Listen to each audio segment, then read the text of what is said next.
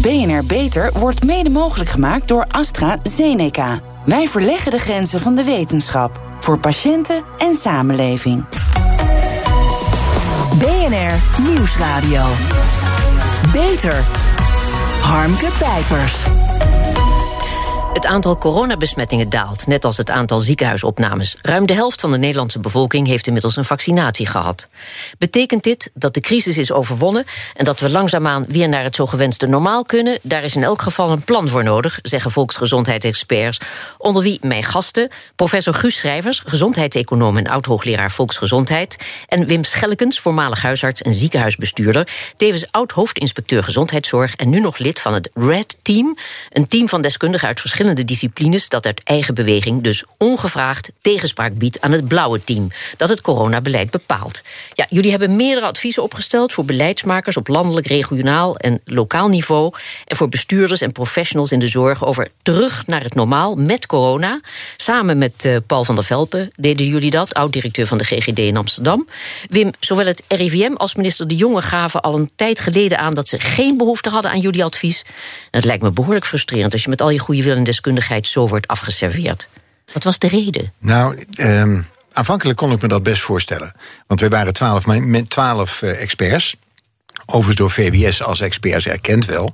Maar ja, twaalf mensen die ook even komen zeggen hoe het zou moeten. Ja, waarom, waarom zou je daar naar luisteren? Ja. Uh, maar we hebben wel ook achteraf zinvolle dingen gezet. En die bleken ook terecht te zijn. Ja, en dat heeft zeggen, maar wel... jullie gaan dan toch door met het geven van ongevraagd advies. Ja, um, omdat we dachten, en denken nog steeds, dat. Uh, kijk, het kabinet beslist.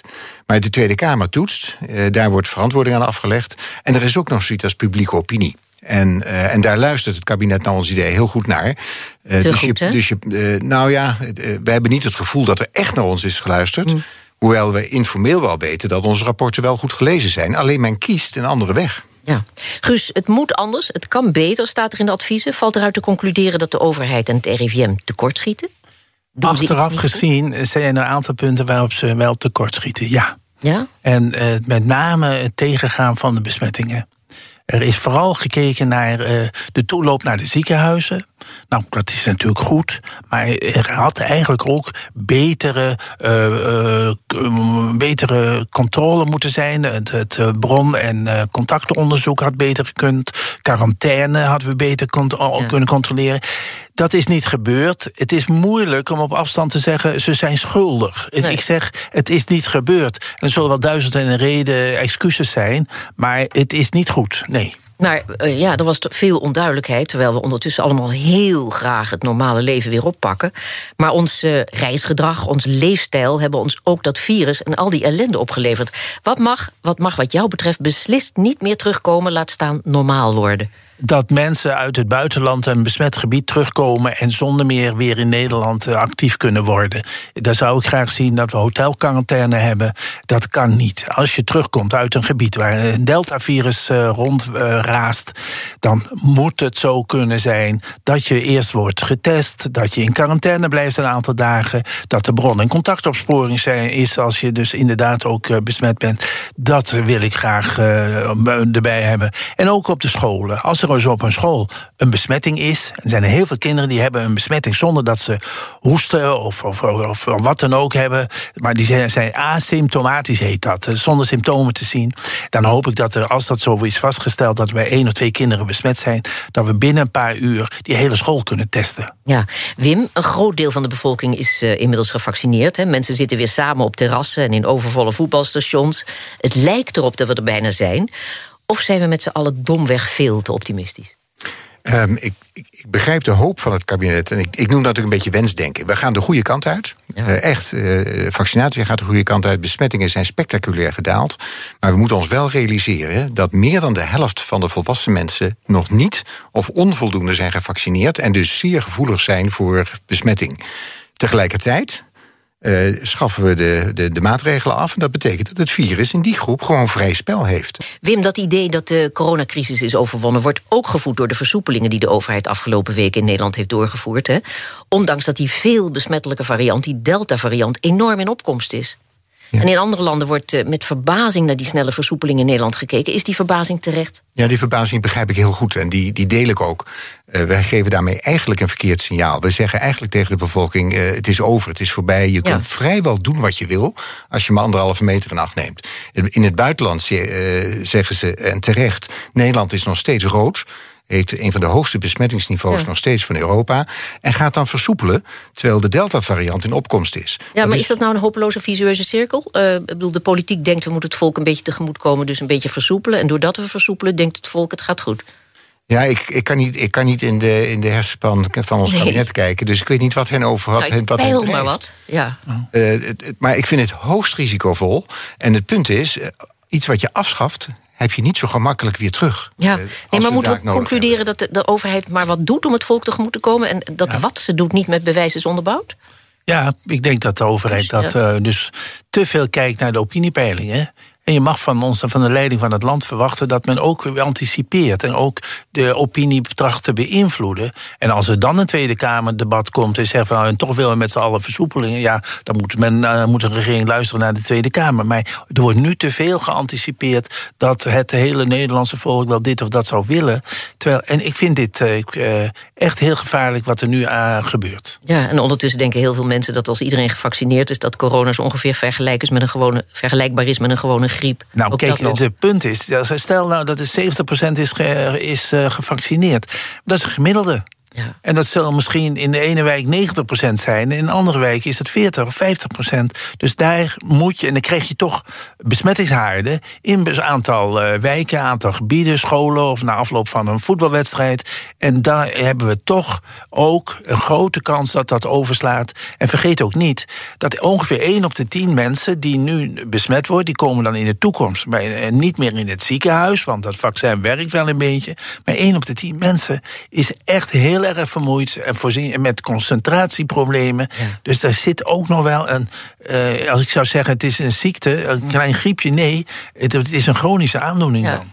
Maar moet de overheid, uh, wat betreft die mensen die zich niet willen laten vaccineren, hè, we weten wie dat zijn, mensen in de Bible Band, uh, Bible Band, dat klinkt leuker dan het is, Bible Belt hebben wij het over, uh, mensen met een lage sociaal-economische status. Um, moet de overheid die uh, maar als verloren beschouwen... of ligt daar toch echt een uh, actieve taak die de overheid op zich moet nemen? Er ligt een actieve taak die de overheid op zich zou moeten nemen. En dat betekent ook, en, en dat gebeurt ook her en der al... dat de GGD de mensen moet opzoeken uh, en daar veel aandacht aan besteden. En dat is een, dat, het kan wel, maar en natuurlijk ook goed zoeken naar influencers... mensen uit de bevolkingsgroepen ja. zelf, om daar steun te werven. Ja. Die coronacrisis, hè, die begon toch als een gezondheidscrisis... waar we allemaal uh, die we allemaal zouden willen aanpakken, die we allemaal gingen aanpakken, schouders eronder, dat was de sfeer. En is in korte tijd toch verworden tot een bron van wantrouwen, gevoed door desinformatie, complottheorieën. Wat is er misgegaan volgens jou? Wat had er anders moeten? Nou, heb je dat bij. Uh, ja, ik heb ook nog eens de geschiedenis van de epidemieën gevolgd. Dat komt wel altijd heel gauw voor. Dan weet je niet wat de oorzaken zijn. En dan zeggen we, nou, vroeger dachten we God straft onmiddellijk. Of we dachten aan uh, allerlei complotten. Dat is, uh, dat is niet te voorkomen haast. En ik denk wel dat de overheid te, weinig, te veel algemene uh, dingen heeft gezegd en te weinig heel concrete uh, punten heeft aangereikt. Hm. En dan krijg je dus dat men het te vaag is. Het overgrote deel van wat we doen en laten om met het virus te leven, hè, wordt uh, bepaald door beleidsmakers. En die hebben geen plan of visie voor na de zomer, hoe we dan met het virus gaan leven. Als iedereen gevaccineerd is, zijn, dan zijn we toch klaar. Dat is kennelijk de heersende gedachte. Vertel, waarom is er wel een plan nodig? Ja, is, er is zeer dringend een plan. Nou, het laatste wat we hebben gehoord is het stappenplan om eruit te komen. Uh, en het OMT heeft in zijn laatste advies wel gezegd: wij verwachten en vrezen zelfs ook een nieuwe golf in het najaar. Punt.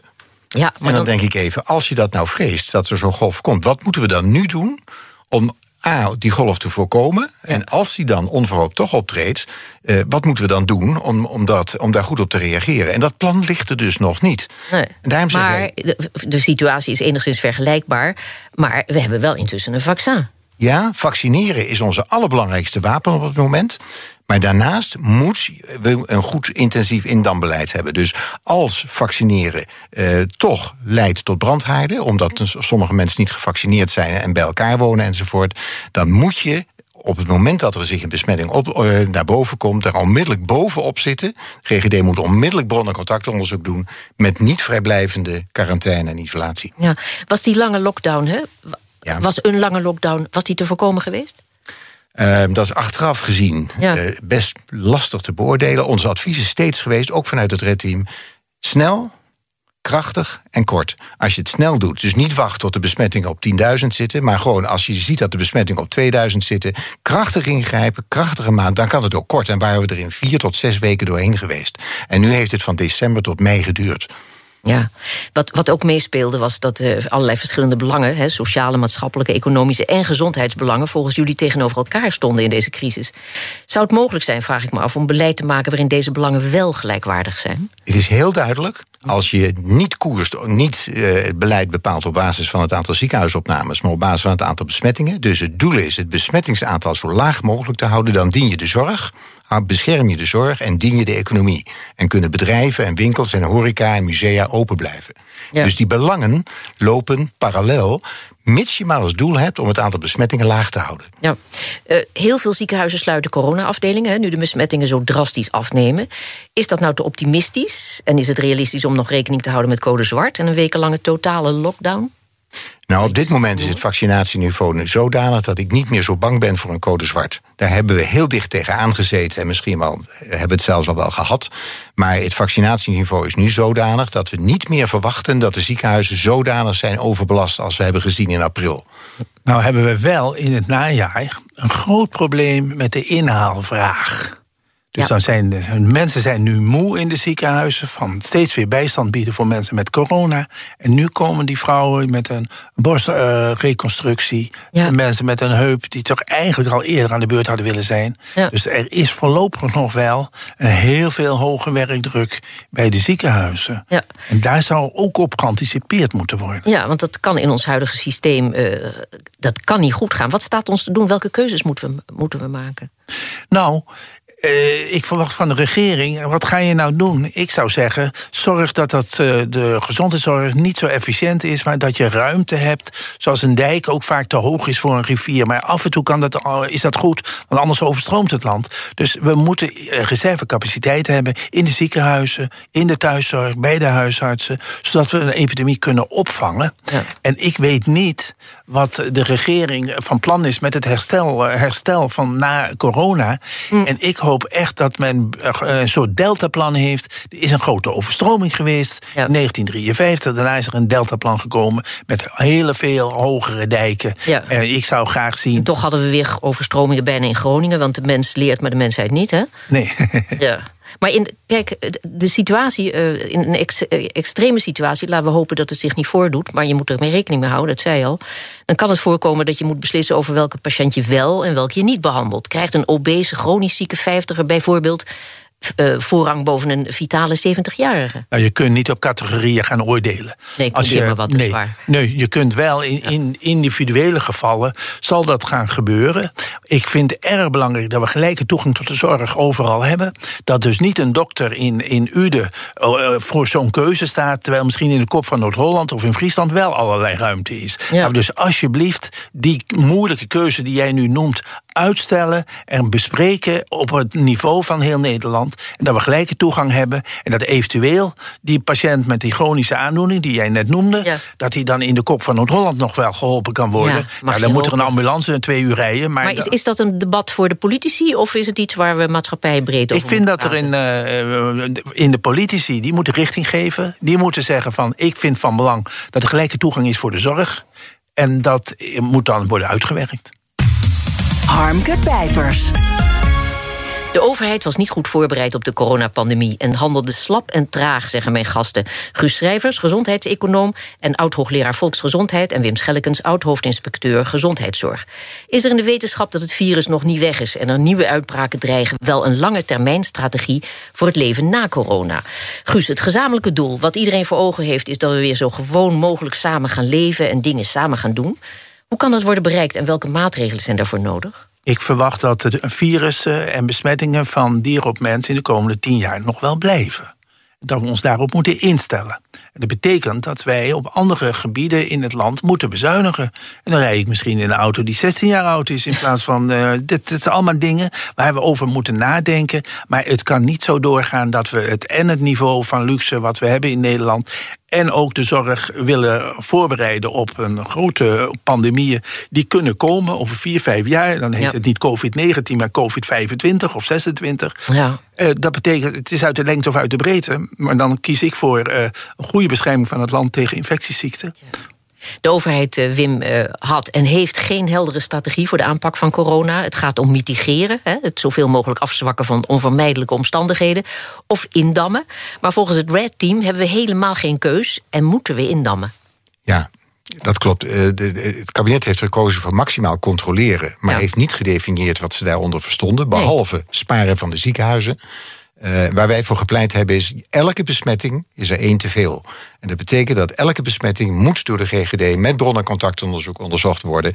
Uh, opdat elke besmetting onmiddellijk wordt ingedampt en we geen brandhaarden. En dan kun je een besmetting gewoon tegengaan. Dat is van ouds de rol van de GGD in de bestrijding van, van infectieziekten. Dat doen ze bij tuberculose, bij hepatitis B, bij seksueel overdraagbare aandoeningen. En dat kan dus ook bij COVID. En op het moment dat dat toch uit de hand loopt, dan snel, krachtig en kort ingrijpen via korte lockdown.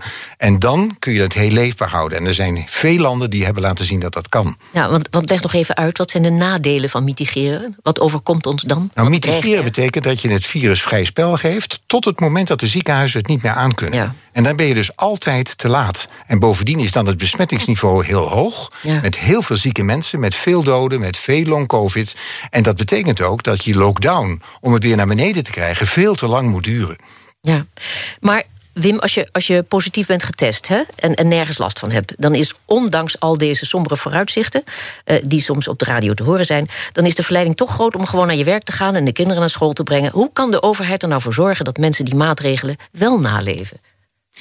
Ja, dat is dus uh, hoe, hoe, hoe beïnvloed je gedrag? Ja. En dat is een, een aspect wat in deze uh, pandemie eigenlijk onvoldoende aandacht heeft gekregen.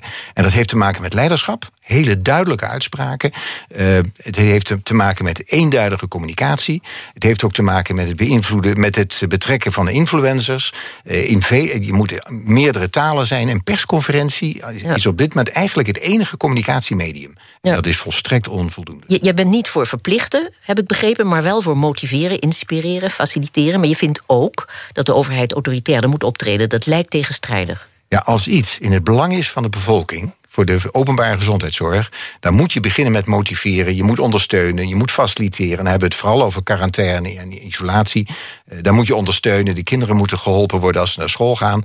Maar het, je moet uiteindelijk ook controleren en eventueel sancties opleggen. Want het is niet in het belang van jezelf dat je in isolatie zit of in quarantaine. Het is in het belang van de ander om die te beschermen. Ja. En dus heeft de overheid daar een rol in. Ja, Guus, uh, intensief indammen houdt onder meer in dat er bij een uitbraak uitgebreid bron- en contactonderzoek moet worden gedaan. Dat brengt ons bij de GGD, die de afgelopen jaren door allerlei bezuinigingen enorm is uitgekleed en voor een onmogelijke taak stond. Wat moet er gebeuren om na jarenlange sloop die GGD's weer op sterkte te brengen? Een uh, goede basisfinanciering. Want uh, ik heb wel bewondering zo snel. Eh, ze zijn twee, drie keer zo groot geworden in, in twaalf maanden tijd. En dat is een enorme krachtsinspanning geweest. En nu moet je zorgen dat die know-how behouden blijft. Dat er genoeg capaciteit blijft voor die contactenbron en contactopsporing. Dat er mensen zitten die daar ook lol in hebben om dat te doen. En, daar, uh, en dan is er best nog eer te behalen, nog betere digitale communicatie op te zetten. Dat, is, dat zijn de dingen die nodig zijn. Ik vind ook de quarantaine, zoals we dat in Nederland doen, te weinig wordt gecontroleerd. En ook als er dan een ouder iemand in quarantaine moet, dan moet je niet zeggen van u mag de deur niet uit. Nee, dan moet je zeggen van kan er een vrijwilliger u misschien helpen om dan toch de boodschappen binnen te halen. Dus dat het hele begrip quarantaine is de afgelopen 15 maanden erg verwaarloosd in Nederland. Ja. Wim, eh, gezondheidszorg en dus ook preventie vraagt om visie op de lange termijn en bereidheid om maatregelen te nemen. Uh, ik vraag me zo langzamerhand af: is dat iets wat je überhaupt wel aan de overheid kunt overlaten? Uh, als je daarmee bedoelt, moeten we preventie aan de markt overlaten, dan zeg ik absoluut nee. Want preventie is wat dat betreft niet een markt. Uh, dat, dat, nee, maar ik zei overheid. Ja, en dus is het antwoord ja. Dat is primair een taak van de overheid om te zorgen voor preventie. Het zou moeten kunnen. Ja, want een, een, burger zal niet makkelijk zelf kiezen voor preventie. Dat moet komen in het belang van de, van de, de bevolking vanuit de overheid. Ja. Tot slot, wanneer zal er volgens jullie sprake kunnen zijn van een nieuw evenwicht? En zal dat weer zoals vroeger zijn, of komt vroeger echt nooit meer terug? Nou, vroeger, vroeger komt sowieso nooit meer terug. en, uh, want dat is voorbij. We hebben wel geleerd. En het is heel belangrijk om onze lessen nu heel goed te leren. Infectieziekten blijven komen. Epidemieën blijven komen. Pandemieën ook. Maar we weten nu hoe we dat moeten aanpakken. En dat is dus. Uh, vaccineer als eerste wapen. Maar als er infectieziekten op te, ja, opdoemen, onmiddellijk. Ik vinden ook nog ja. toch wel een bijzondere prestatie. Ik denk dat we een jaar of vier nodig hebben om van de hele schok te bekomen. Om ook de reguliere zorg weer op peil te hebben, goede ICT-programma's te maken. En ik denk dat we dan over een jaar of vier, vijf weer in een oud normaal zitten. In die zin dat we geen crisissen meer hebben. We mhm. zullen nog wel regelmatig uh, kansen lopen dat we toch geïnfecteerd worden. Het zij van dier op mens, het zij rechtstreeks door een soort virus. Ja, zoals het altijd is geweest. Maar was het eigenlijk. Nou, toen ik begon in mijn carrière als hoogleraar, hadden we het idee in de jaren zeventig dat het allemaal voorbij was. Ja. Infectieziekte dat was van de, vroeger, was van voor de Tweede Wereldoorlog. En het komt nu pas weer terug. En nu zie je, we kunnen ook wel wat leren van die periode, maar dan ben ik nog wel een half uur bezig in het programma. Want er is natuurlijk, het is dus van oudsher, vanaf 1850 tot 1950 hadden we heel veel infectieziekten. En dat is, we dachten eigenlijk dat het voorbij zou zijn. En door het toenemende internationale verkeer, door de dichtere bevolkingsdichtheid, door de klimaatopwarming, heb je meer besmettingen van dier op mens. Heb je ook meer uh, virusvarianten.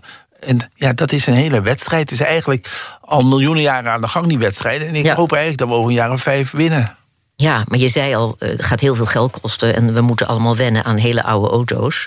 Nou, dan worden vliegtuigen ook te duur. Goed, dan gaan we de goede kant uit. Hè? Maar leuk. Het is niet anders, kun je nog wel gelukkig zijn. Ja, maar een pandemie bestrijd je niet alleen in Nederland. Dus we moeten ook ons verantwoordelijk voelen voor de, de, de besmettingen die in het buitenland zijn. En met name in landen als Afrika, Zuid-Amerika, Afrika. Zeker.